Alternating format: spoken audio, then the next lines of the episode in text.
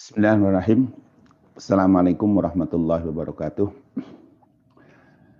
Alhamdulillahilladzi hadana li hadza wa ma kunna linahtadiya laula an hadanallah. Asyhadu an la ilaha illallah wahdahu la syarikalah wa asyhadu anna Muhammadan abduhu wa rasuluhu la nabiyya ba'dah wa ba'd. Bapak Ibu para peserta kajian Ahad Baki rahimakumullah.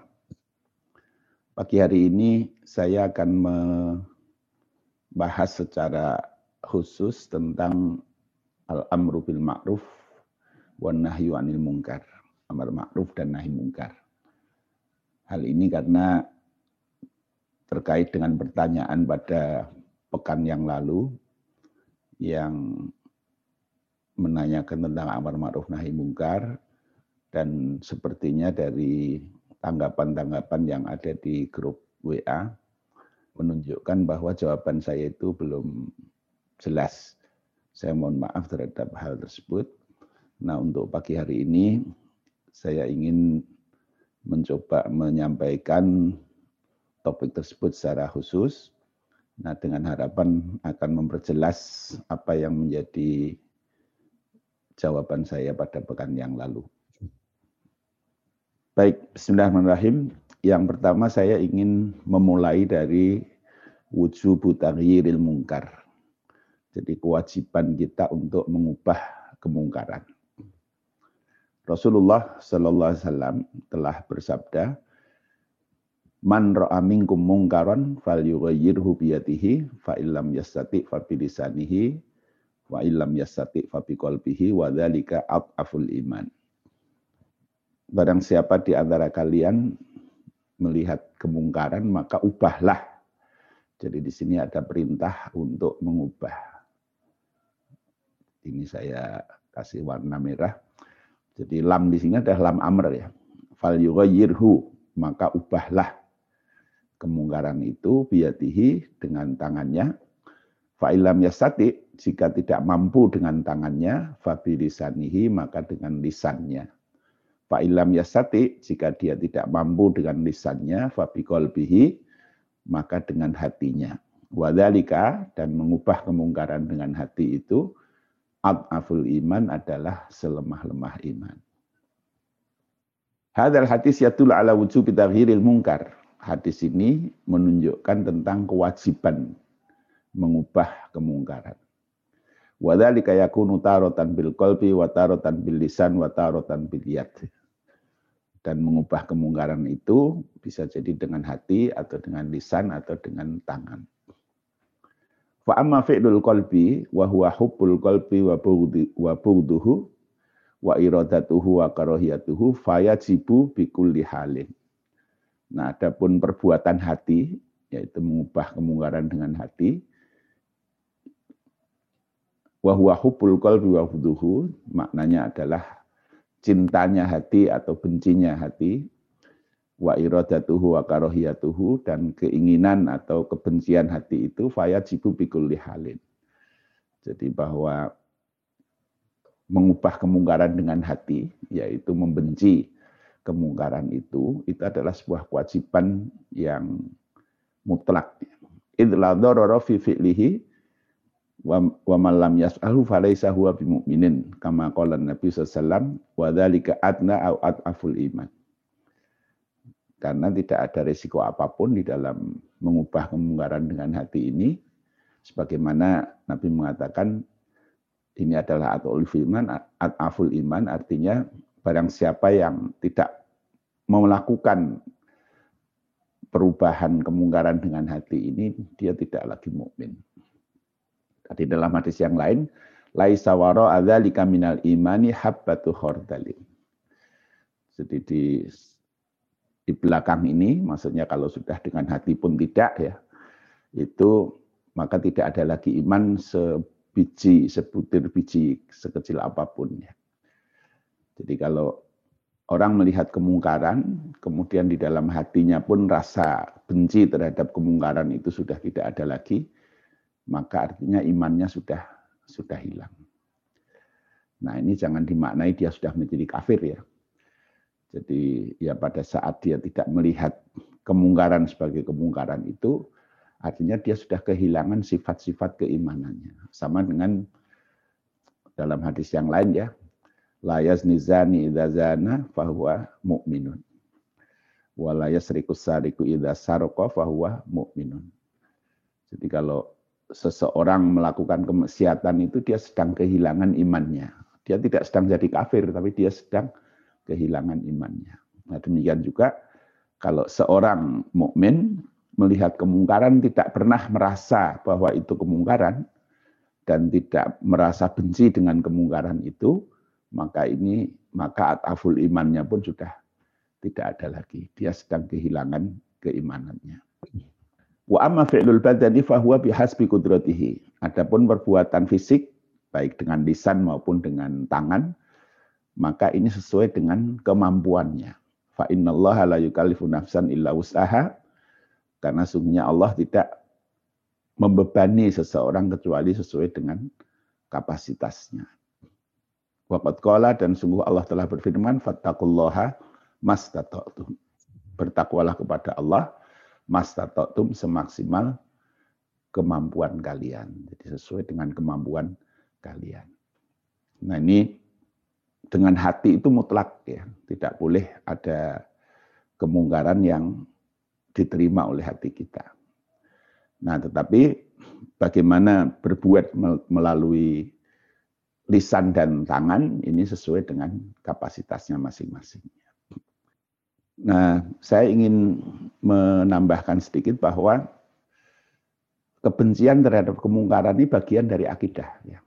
Jadi kalau kita punya akidah tauhid kita, la ilaha illallah, maka la ilaha ini semua nilai kemungkaran itu ada di bawah derivat daripada adanya ilah lain selain Allah. Nah, kemudian illallah, maka yang namanya ma'ruf itu adalah semua derivat dari segala sesuatu dalam konteks ketaatan kita kepada Allah. Nah, itu ada la ilaha ini mungkar di situ, illallah itu ma'ruf di situ. Nah, ketika kita bertauhid la ilaha illallah, maka tauhid itu prinsipnya adalah mengubah segala hal yang tidak berasal dari Allah diubah supaya sesuai dengan yang Allah kehendaki. Makanya di situ ada hadis man minkum mungkaron, ini derivat daripada ilah lain selain Allah, fal maka ubahlah kemungkaran ini supaya menjadi apa? Supaya menjadi ma'ruf. Nah, ini derivat daripada illallah begitu. Nah, karena itu amar ma'ruf dan nahi mungkar ya, ini adalah bagian dari konsekuensi tauhid kita la ilaha illallah ini. Wa aslu hadza an takuna mahabbatul insan lil ma'ruf wa bughdhuhu lil munkar muwafaqatun li hubbillahi wa bughdhihi wa iradatihi wa karahatihi asyar'iyyaini. Jadi kesukaan kita terhadap yang ma'ruf maupun kebencian kita kepada yang mungkar itu harus disesuaikan dengan kecintaan Allah dan kebencian Allah. Jadi maksudnya yang kita sukai karena kita anggap ma'ruf itu adalah yang sesuai dengan apa yang disukai Allah. Sebaliknya yang kita benci karena kita anggap mungkar itu adalah karena sesuatu yang dibenci oleh Allah taala.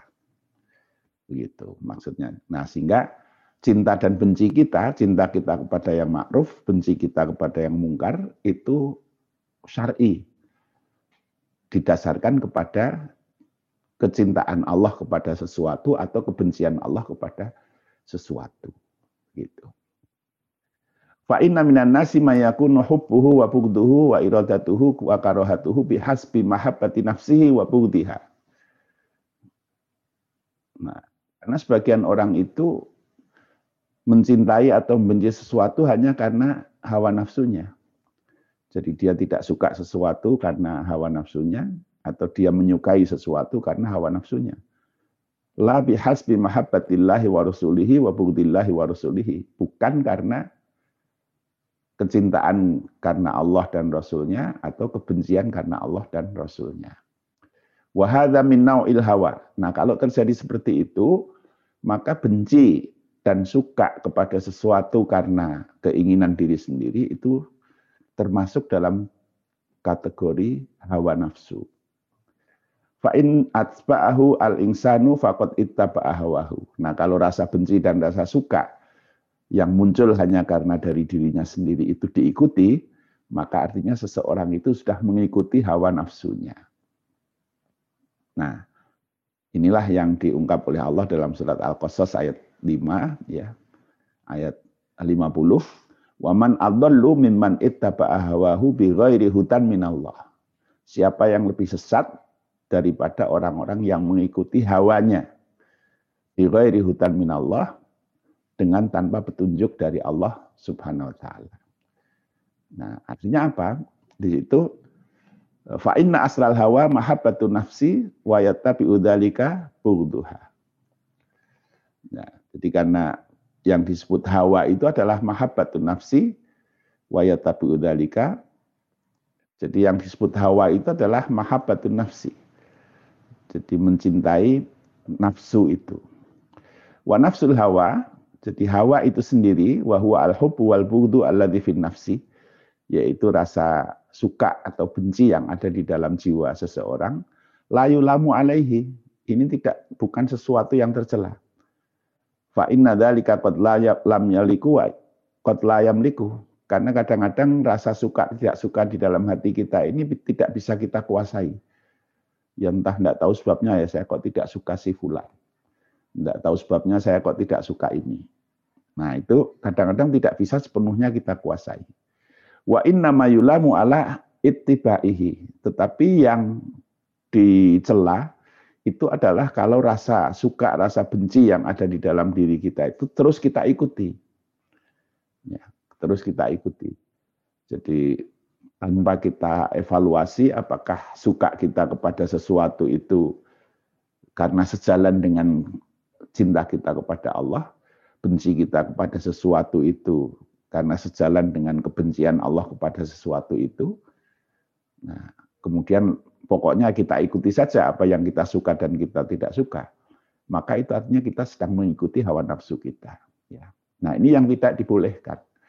Tapi bahwa muncul ada rasa suka, rasa tidak suka pada suatu dalam diri seorang itu bukan dosa. Itu sesuatu yang kadang-kadang tidak sepenuhnya bisa kita kendalikan. Tapi yang berdosa adalah kalau Kemudian rasa suka dan tidak suka terhadap suatu dalam diri kita itu terus kita ikuti dengan perbuatan-perbuatan tanpa kita kita klarifikasi ya apakah suka dan tidak suka kita ini sesuai dengan suka dan tidak sukanya karena Allah. Itu. Nah, itulah yang disebut sebagai ittaba'a hawahu hudan minallah. Jadi mengikuti hawa nafsunya tanpa petunjuk dari Allah SWT. Nah, ini contohkan di dalam surat Sot ayat ke-26. Ya Dawudu inna ja'alna ka khalifatan fil ardi fahkum bainan nasi bil haqqi wa la tattabi'il hawa fayudillaka an sabilillah. Nah, di sini wahai Dawud, sesungguhnya kami jadikan engkau seorang khalifah di muka bumi ini fahkum bainan nasi bil haqqi maka tegakkanlah hukum di antara manusia itu dengan kebenaran wala tetapi hawa dan janganlah kamu ikuti hawa tadi ya suka dan tidak suka di dalam dirinya fayudillah ka'an sabidillah maka kalau kamu ikuti hawa itu dia akan menyesatkan kamu dari jalan Allah wa taala. Nah, jadi mengikuti hawa tanpa di di apa namanya kalibrasi dengan dengan apa yang diajarkan oleh Allah, nah itu akan menyebabkan kita sesat dari jalan Allah. Nah, juga di surat Qasas ayat 50 tadi ya, wa man adallu mimman ittaba'a hawahu bi ghairi hudan minallah. Nabi SAW bersabda, Salasun munziyatun khasyatullahu fis sirri wal alaniyati wal qasdu fil faqri wal ghina wa kalimatul haqqi fil ghadabi war ridha fil fakri wal ghaniyi. Jadi ada tiga hal yang akan menyelamatkan manusia. Pertama adalah rasa takut pada Allah, baik ketika sendirian maupun ketika terbuka, di tempat tersembunyi maupun terbuka. Wal qasdu fil fakri wal ghani atau wal gina ya. Jadi dan sederhana. Jadi muktasid ya, sakmatio baik dalam ketika dalam keadaan fakir maupun ketika dalam keadaan cukup. Wa kalimatul haqqi fil ghadabi waridha dan berkata benar baik ketika sedang marah maupun ketika sedang lapang dadanya. Wasalatun muhlikatun dan tiga yang akan menghancurkan syuhun ta'un. Keserakahan yang kita turuti, wahawa muttabaun dan hawa nafsu yang kita ikuti, wa ijabul mar'i binafsihi dan kekaguman seseorang terhadap dirinya sendiri. Nah, ini hawa muttabaun ini adalah salah satu dari tiga yang menghancurkan umat manusia. Nah ini. Wadhalika anna kullaman lam yattabil ilma faqad ittaba'a hawahu. Orang yang tidak mengikuti ilmu, maksudnya adalah ilmu dari Allah SWT, maka dia mengikuti hawa nafsunya. Wal ilmu bidini la yakunu illa bihadiyillahi alladhi ba'atha bihi rasuluhu. Nah, sedangkan pengetahuan terhadap agama itu tidak bisa diperoleh kecuali dengan mengikuti petunjuk dari Allah yang mengutus Rasulnya. Karena itu Allah berfirman, wa inna kasiran la yudillu nabi ahwaihim bi ilmin. Banyak sekali orang yang menjadi sesat sebab hawa nafsu mereka tanpa dasar ilmu. Nah, ilmu ini maksudnya adalah ajaran-ajaran dari Allah Subhanahu wa taala. Nah, ini yang pertama. Jadi saya ingin menegaskan tentang kewajiban untuk mengubah semua kemungkaran. Nah, ini kewajiban dari semua orang, ya. Jadi mengubah kemungkaran. Kemudian poin kedua yang ingin saya sampaikan adalah hakul amri lil amir. Hak untuk menyuruh, memerintah itu adalah lil amir bagi orang yang memiliki hak memerintah, amir ya. Wa kullu basyarin ala wasil ardi fala lahu min amrin wa nahyin. Nah, setiap manusia di muka bumi ini pasti ada perintah dan larangan. Wala buta ayya'mura wa yanha. Wa yunha. Dan pasti ada yang diperintah, ada yang dilarang. Hatta lau annahu wahdahu lakana ya'muru nafsahu wa yanhaha. Bahkan ketika dia ini sendirian, maka di dalam diri seseorang itu pasti ada kejadian memerintah dan melarang dirinya sendiri. Imma bima'rufin au imma bimungkarin. Baik dengan yang ma'ruf maupun dengan yang mungkar. Jadi kama ta'ala inna nafsa la bisu. Surat Yusuf ayat 53. Fa innal amra huwa talabul fi'li wa iradatihi. Yang disebut amr itu adalah meminta untuk mengerjakan sesuatu. Wan nahya talabut tarki wa iradatahu. Nah, sedangkan yang disebut nahyu itu adalah meminta untuk meninggalkan. Wala budda likulli hayyin min iradatin wa talabin fi nafsihi yaktadi bihima fi'la nafsihi wa yaktadi bihima fi'la ghairihi idza amkana dzalika. Nah, di dalam kehidupan ini pasti ada permintaan baik untuk melakukan sesuatu atau meninggalkan sesuatu ya. Baik yang menyangkut dirinya sendiri maupun menyangkut orang lain. Idza stama isnani fasa'itan fala budda yakuna bainahuma iktimarun bi amrin wa tanahun an amrin. Kalau ada dua orang yang ber, berkumpul, maka pasti harus ada yang memerintah atau melarang sesuatu. Walihada kana aqalul jama'ati salati isnaini kama qila al-isnanu fama fawqahuma jama'atun. Karena itu di dalam ajaran Islam ini sedikit-dikitnya jamaah itu dua orang. Sebagaimana di dalam sholat ya. Sehingga diungkapkan ini Al isnanu fama fauqahuma jama'atun. Dua orang atau lebih itu sudah berupa jamaah. Qala Nabi SAW li Malik bin Al-Huwairis wa sahibihi idza hadratis shalah fa'adzana wa aqima wal wal ya ummakuma akbarukuma. Nah, kalau Nabi SAW telah bersabda kepada Malik bin Huwairis, jadi kalau tiba waktu sholat, maka andanlah dan komatlah dan hendaklah mengimami di antara kalian berdua yang paling yang lebih tua di antara kalian. Ya. Jadi dua orang itu sudah jamaah. Nah kalau jamaah itu satu ada imamnya, satu makmumnya. Nah begitu. Fafi sunnani anna sallam qala la yahilu li salasatin yakunu nafi safarin illa ammaru alaihim ahaduhum. Rasulullah SAW bersabda, eh, tidak dibolehkan kalau ada tiga orang bepergian kecuali salah satu dari mereka itu menjadi imamnya, menjadi amirnya. Jadi ini kewajiban untuk menentukan amir dalam satu jamaah ya. Jadi dua orang itu sudah jamaah. Maka tentukan amirnya. Tiga orang bepergian maka harus ditentukan amirnya. Nah supaya apa? Supaya di dalam rombongan yang tiga orang itu jelas siapa yang punya hak memerintah, siapa yang punya hak melarang. Gitu. Nah kalau tiga orang bepergian tidak jelas siapa amirnya, ini ya mungkin ada yang berbuat maksiat di perjalanannya, tidak ada yang mengingatkan dan tidak ada yang merasa bertanggung jawab untuk mengingatkan atau melarang.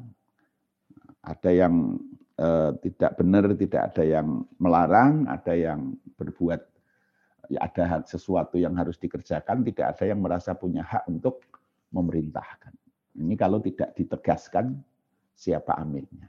Nah, karena memang yang punya hak melarang dan memerintah itu adalah amirnya. Maka Rasulullah membentuk kehidupan kemasyarakatan kita ini selalu dalam bentuk berjamaah. Dua orang berjamaah. Tiga orang harus ditunjuk amirnya berjamaah. Satu RT tunjuk ketua RT-nya. Satu RW tunjuk ketua RW. Satu negara tunjuk presidennya dan sebagainya. Nah ini adalah prinsip kehidupan kemanusiaan kita di dalam syariah ini adalah berjamaah. Jadi manusia itu tidak dibiarkan oleh Islam untuk hidup secara sendiri-sendiri. Orang bebas merdeka sendiri-sendiri, tanpa adanya keterikatan keberjamaah. Nah, ini prinsip di dalam Islam. Nah. Kemudian waqad amarallahu fi kitabi bi taati wa taati rasulihi wa taati ulil amri minal mu'minin. Karena itu Allah merintahkan di dalam kitabnya untuk taat kepada Allah, taat kepada Rasul dan taat kepada ulil amri minal mu'minin. Ulil amri dari kalangan orang-orang mukmin. Sebagaimana di surat An-Nisa ayat 59, Ya ayyuhalladzina amanu atiullah wa atiur rasul wa ulil amri minkum. Jadi wajib ada ketaatan kepada Allah, kepada Rasul dan kepada ulil amri. Ya. Jadi ulil amri itu apa? Nah ini wa ulil amri ashabul amr wa dawauhu. Ulil amri itu adalah orang yang memiliki hak memerintah. Yang punya perintah. Ya. Wahum alladzina ya'murunan nas. Mereka ini adalah orang-orang yang memerintah orang lain. Nah, itu ulul amri. Wadzalika yastariku fihi ahlul yati wal qudrati wa ahlul ilmi wal kalam. Nah, ini terdiri dari orang yang punya tangan dan kekuasaan serta punya ilmu dan ucapan. Falihada karena ulil amri sinfain. Karena itu ulil amri ini terdiri dari dua kelompok Pertama al ulama'u, ulama itu ahlul ilmi wal kalam, wal umaro dan para umaro. Ya. Nah umaro ini adalah ahlul yad wal kudroh. Nah nanti ahlul yad wal kudroh itu dengan tangan dan kekuasaannya, ahlul ilmi wal kalam itu dengan ilmu dan lisannya. Gitu. Faidah salahu salahan nas, jika mereka ini baik, ya ulama dan umaro ini baik, maka masyarakat akan baik. Wa idza fasadu fasadan nas dan jika mereka ini rusak, maka masyarakat akan rusak. Qala Allah Ta'ala wa la yansuranna Allah mansuruh innallaha laqawin aziz alladzina in makkannahum fil ardi aqamus shalah wa atuz zakah wa amaru bil ma'ruf wa nahaw 'anil munkar walillahi aqibatul umur. Jadi eh, sungguh Allah akan menolong orang yang menolongnya karena Allah Maha kuat dan Maha perkasa yaitu siapa yang menolong Allah itu alladzina in makannahum fil ardi. Orang yang ketika diberi posisi oleh Allah di muka bumi nah dia aqamus shalah wa atu zakah menegakkan salat membayarkan zakat wa amaru bil ma'rufi wa nahau anil munkar. Dan mereka perintahkan yang ma'ruf mereka larang yang mungkar walillahi akibatul umur. Nah di sini amaru bil ma'ruf wa nahu anil mungkar itu terkait dengan in makkannahum fil ardi. Jadi karena posisinya, posisi mereka di dalam kekuasaan itu. Maka ada amr dan ada nahi. Itu. Jadi poin kedua ini saya ingin tegaskan bahwa yang namanya amr dan nahi itu adalah hak dari orang yang punya kekuasaan. Nah, punya kekuasaan ini, maka kalau dia sendirian, maka dia punya hak kekuasaan terhadap dirinya sendiri. Kalau dia berdua, ya, maka tentukan satu dari dua itu imamnya siapa. Kalau dalam satu keluarga, maka imamnya adalah suaminya, kepala keluarganya itu. Maka dia punya hak untuk amr dan nahi di rumah tangganya. Jadi kalau ada kemungkaran di rumahnya, seorang suami tidak boleh mengatakan saya hanya bisa mengelus dada melihat perilaku anak saya kayak begini. Dosa dia. Ya. Karena apa? Dia punya iyat, dia punya kekuasaan di keluarganya itu. Maka dia harus melakukan taghyirul mungkar bil yad begitu. Nah, kalau kakak adik misalnya ya, nah itu bilisan menasehati. Nah, kalau yang melakukan kemungkaran itu misalnya suaminya itu, nah maka ya bisa dinasihati di, oleh istrinya, oleh anak-anaknya. Kalau istri dan anak-anaknya tidak berani, maka sekurang-kurangnya anak dan istri itu harus dengan hatinya. Begitu. Jadi kalau suami melihat kemungkaran di rumah tangganya, tidak boleh hanya dengan hatinya, ya ngelus dodo gitu ya, dosa dia. Karena dia punya yat dia punya kekuasaan sehingga dia bisa bertindak dengan kekuasaannya. Dia punya kemampuan menasehati, kalau tidak bisa dinasehati dilakukan tindakan dengan kemampuan kekuasaannya. Jadi tidak boleh hanya dengan eh, merasa ternyuh di dalam hatinya melihat kemungkaran di keluarganya. Itu kalau keluarga. Tiga orang bepergian, satu harus jadi imam. Supaya apa? Supaya jelas siapa yang punya hak untuk al-amru, dan an-nahyu begitu. Nah, ini di dalam Islam ini posisi amr dan nahi itu jelas ya. Dia menjadi suatu sebuah kewajiban kepada siapa pun yang terhadap orang-orang yang berada di bawah kekuasaannya. Nah, inilah yang kemarin mungkin sempat membingungkan ya. Nah, yang poin ketiga yang saya sampaikan, al-amru bil ma'ruf wa nahyu 'anil munkari minaddin. Jadi amar ma'ruf dan nahi mungkar itu bagian utuh dari agama itu. Al-amru bil ma'ruf wa nahyu anil munkari binatini fa inna risalatallah imma ikhbarun wa imma insya.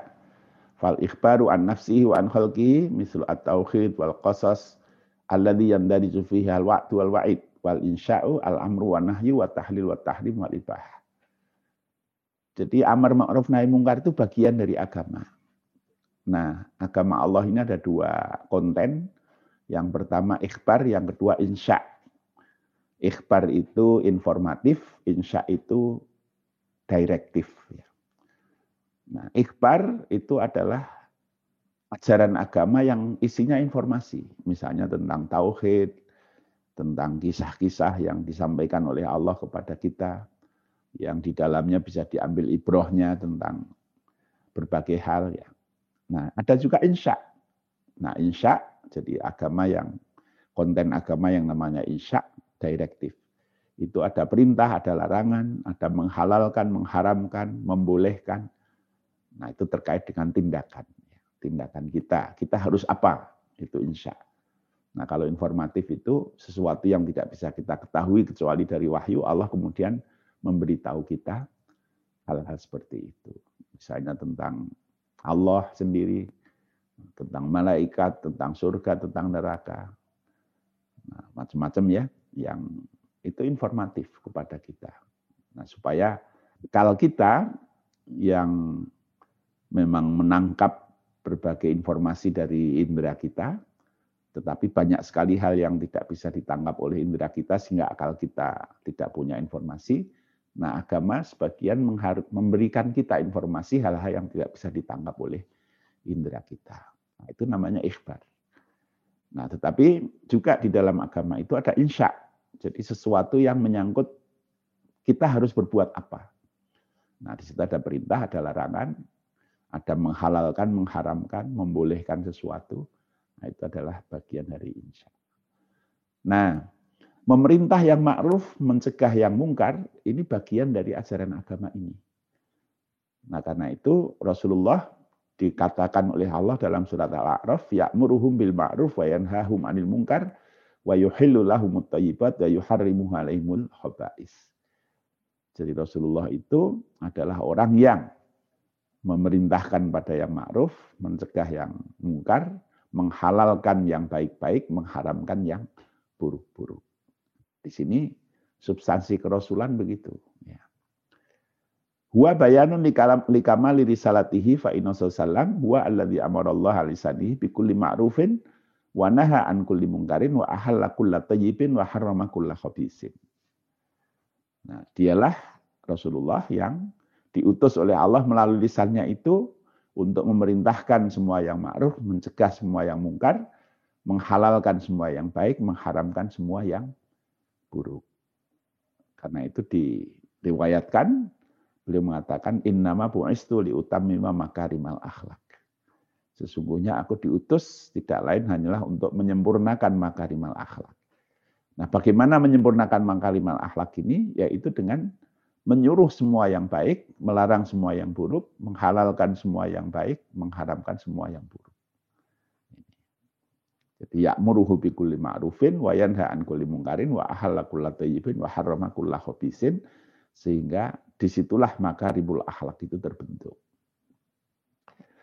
Dalam hadis yang lain Rasulullah SAW menyatakan, Masali wa masalul ambiya kama sali rajulin banataron Fa'atam maha wa akmalaha illa maudi ala binatin. Fakanan nasu yatifuna biha wa ya'jabuna wa yu'jibuna min husniha wa yaquluna laula maudi allabinah. Fa'ana tilkal labinah. Dalam hadis lain dikatakan, perumpamaanku dengan nabi-nabi yang lain itu seperti seorang yang membangun rumah. Dia sudah sempurna sama, sama uh, betul rumah itu kecuali kurang satu batas saja.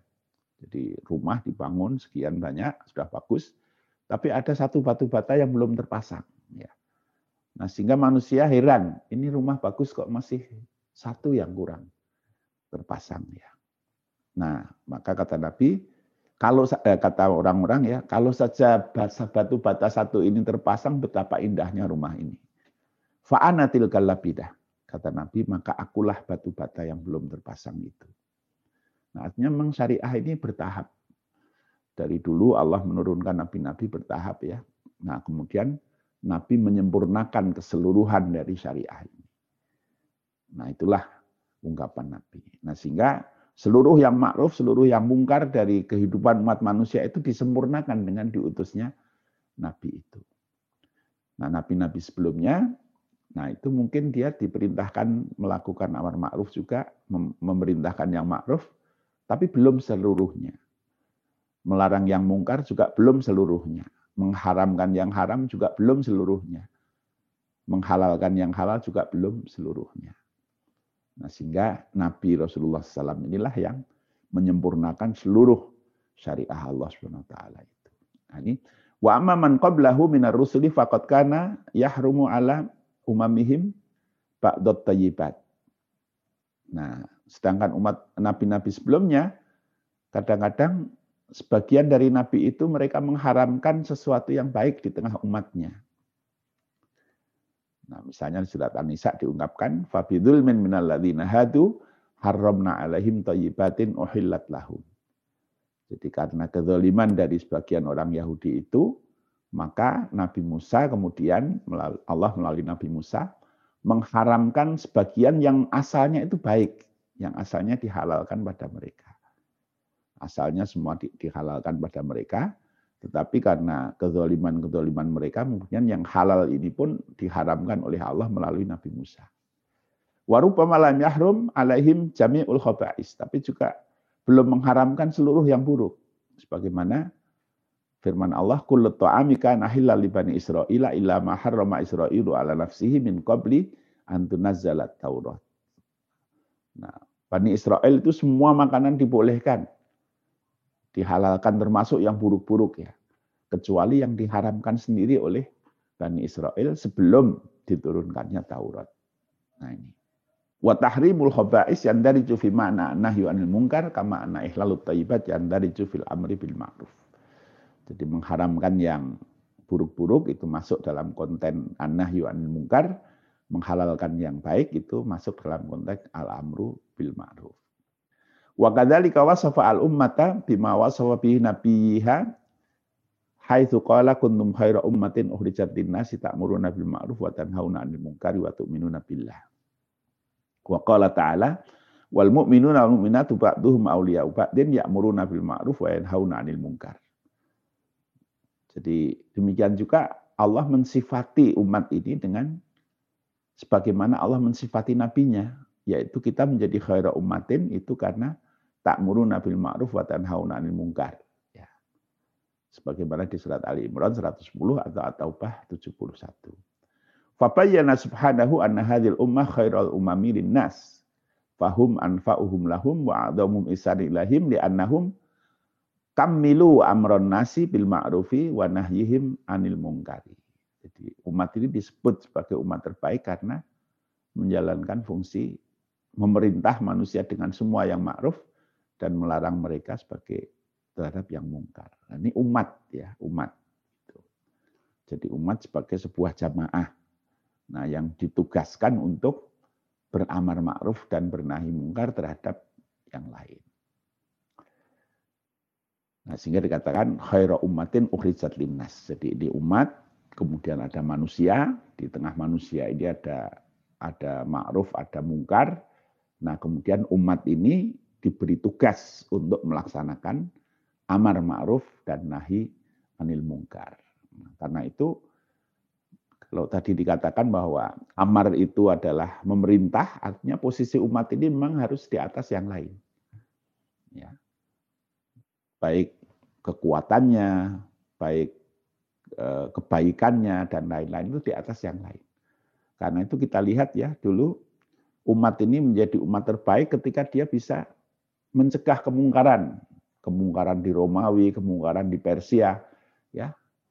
Karena posisinya kuat ya, kekuatannya lebih dari yang lain, berada di atas, dia bisa lakukan wahai raja Persia, ya kami diutus oleh Allah untuk menjadikan umat manusia ini hamba terhadap hamba Allah dan bukan menghamba kepada sesama hamba Allah. Ini rajanya dikatakan begitu. Karena itu kalau kamu mau sama-sama kita menghamba kepada Allah, maka mari kita bersama-sama. Tapi kalau kamu akan tetap menghambakan orang lain kepada dirimu sendiri, maka ya, ini tugas kami adalah menghilangkan kamu supaya manusia ini hanya menghamba kepada Allah. Jadi Raja Persia yang bertuhan diri menjadikan umatnya, masyarakatnya sebagai penyembah taat patuh hanya kepada dirinya, ini kemungkaran. Karena itu didatangilah Raja Persia ini supaya berhenti dari kemungkaran itu. Nah, kapan itu dilakukan? Ketika posisi Rasulullah ini sudah tinggi, ya. Dia bisa melakukan itu. Raja Persia, eh, Raja Romawi datangi juga begitu, dikirim utusan ke sana. Ini umat manusia ini sama-sama hamba Allah. Jangan jadikan hambamu. Maka jika kamu mau bersama-sama untuk menghamba kepada Allah, mari kita bersama-sama. Tapi kalau kamu tidak mau, ya kamu akan saya hentikan. Nah, ini amr ya. dan nahi gitu ya. Posisinya itu di atas. Nah, kalau posisinya tidak kuat begitu, ya kita lihat umat kita sekarang, ya kezoliman di mana-mana dilakukan oleh sekian banyak negara besar.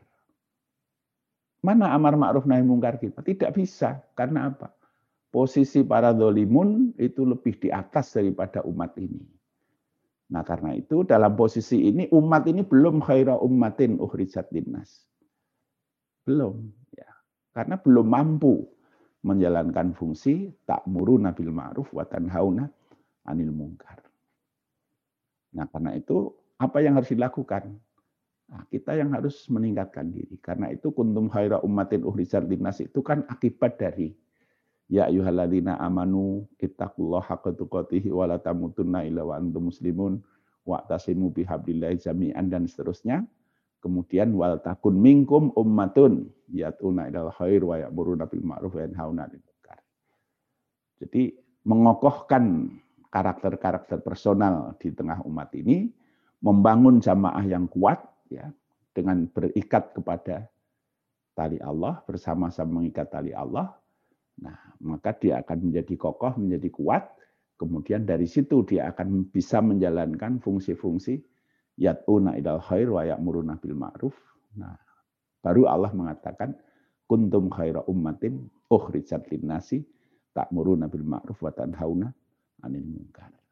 Nah, di situ. Jadi umat ini jadi amar ma'ruf nahi mungkar ini merupakan karakteristik umat. Ya. Bagian dari agama kita. Nah, tetapi dia baru bisa dijalankan kalau posisi kita ini di atas. Karena al-amru itu adalah tolabul fi'li minal adna ilal minal a'la ilal adna. Yang namanya amr itu meminta melakukan sesuatu dari yang posisinya tinggi kepada yang rendah. Suami kepada istri, orang tua kepada anak. Ya. Demikian juga an-nahyu, tolabut tarki itu meminta untuk meninggalkan sesuatu dari yang posisinya lebih tinggi kepada yang lebih rendah. Karena itu amar ma'ruf nahi mungkar itu baru bisa dilakukan oleh posisinya yang lebih tinggi kepada yang lebih rendah. Kewajibannya itu. Kalau setara, itulah yang namanya nasihat tadi. Kalau dari bawah ke atas, itulah bil kolbi. Karena itu marotib terhadap taghyirul Eh, mungkar itu tiga tadi. Jadi ada biyatihi, bilisanihi, wabikolbihi. Biyatihi itu untuk dari atas ke bawah. Inilah al-amru bil ma'ruf wa nahyu anil mungkar. Ya, taghir dengan amr dan nahi. Ya, bukan sekedar berharap, bukan sekedar berdoa, bukan sekedar menasehati. Nah, kalau orang berada di posisi atas, dia harus amr dan nahi. Kalau posisinya setara, maka Inilah bilisanihi dengan tawasau bil haqi, tawasau bisabri. Kalau posisinya di bawah, maka inilah dengan bikolbihi itu. Ya. Jadi sekurang-kurangnya dengan kebencian kita terhadap kedoliman itu, eh, ketidaksukaan kita terhadap kemungkaran itu. Dan itu ataful iman. Kalau di bawah dan tidak benci kepada kedoliman, kemungkaran, maka iman pun sudah hilang pada saat itu. Nah inilah bahwa amar ma'ruf nahi mungkar itu bagian dari agama, tetapi posisinya seperti itu. Gitu. Nah kemudian poin yang ingin saya tambahkan, ini sudah jam berapa Pak? 646 Ustaz. 646, baik. Syarat amar ma'ruf nahi mungkar. Ini ringkas saja saya saya sampaikan. Jadi amar ma'ruf nahi mungkar ini amal. Syaratnya amal dua. Ya, satu niat yang ikhlas, yang kedua cara yang benar. Nah, jadi orang beramar ma'ruf nahi mungkar itu niatnya karena Allah. Karena itu yang kita mendefinisikan ma'ruf dan mungkar juga sesuai dengan definisi Allah. Kita benci kepada yang mungkar karena sesuatu itu dibenci oleh Allah. Kita suka kepada yang ma'ruf karena sesuatu itu disukai oleh Allah. Dan ketika kita melakukan amar ma'ruf nahi mungkar terhadap orang-orang di bawah kita adalah karena ketaatan kita kepada Allah. Nah, itu ikhlas ya, ikhlas. Bukan karena ketersinggungan pribadi, ya. Seorang suami istrinya melakukan sesuatu yang kebetulan maksiat, suaminya tidak suka. Tidak sukanya apa? Itu nanti memalukan saya itu. Nah, hanya karena urusan pribadi. Itu bukan ikhlas ya. Jadi dia khawatir anaknya tidak boleh begini karena nanti memalukan bapaknya. Bukan. Kalau kita melarang anak kita maksiat itu karena ketaatan kita kepada Allah, bukan karena kita malu. Ya. Tetapi karena ketaatan kita kepada Allah. Nah itulah ikhlas. Ya. Jadi kita lakukan sesuatu bukan karena motif pribadi kita, tetapi karena eh, ketaatan kita kepada Allah. Kita menyuruh mengkondisikan keluarga kita menjadi baik bukan supaya dipuji orang, Dulu keluarganya Pak ini wah luar biasa. Kalau itu namanya riak, tidak ada gunanya, ya. Tidak ada gunanya. Jadi harus diniati dengan ikhlas. Saya mengkondisikan keluarga saya begini karena cinta saya kepada Allah, karena ketaatan saya kepada Allah. Bukan bukan karena yang lain, ya.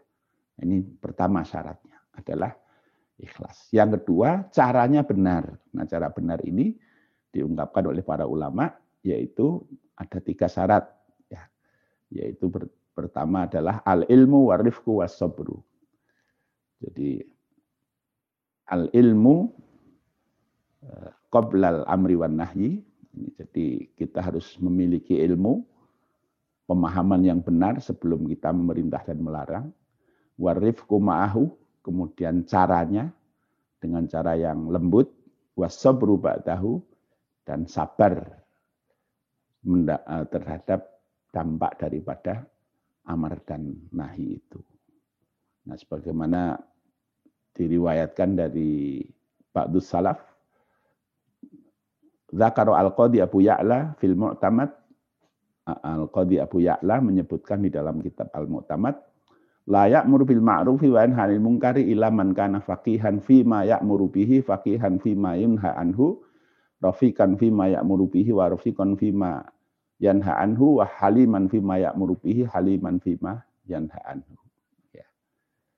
Jadi amar ma'ruf itu syaratnya tiga ya. Jadi dengan dasarnya adalah pemahaman, caranya dengan cara yang baik, kemudian juga dengan kesabaran. Nah terakhir, al-qawaid al-muhimmah fil amri bil ma'ruf wa nahyi anil munkar kaidah-kaidah penting di dalam amar ma'ruf dan nahi mungkar. Ini ada tujuh kaidah, ya. Eh, tapi mungkin tidak saya bahas hari ini. Nah demikian Bapak Ibu tambahan penjelasan tentang amar ma'ruf nahi mungkar. Ini saya ambil dari dua kitab, yaitu pertama kitab Al-Amru bil Ma'ruf wan Nahyu anil Mungkar eh, Ibnu Taimiyah. Yang kedua Al-Qawaid Al-Muhimmah fil Amri bil Ma'ruf wan Nahyi anil Mungkar fi il Kitab wa Sunnah jadi amar ma'ruf nahi mungkar menurut kitab dan sunnah yang ditulis oleh Syekh Hamud Ar-Ruhaili. Nah demikian mudah-mudahan memperjelas apa yang saya sampaikan pekan yang lalu. Tapi kalau ada yang belum jelas dipersilahkan untuk bisa menyampaikan kembali. Assalamualaikum warahmatullahi wabarakatuh.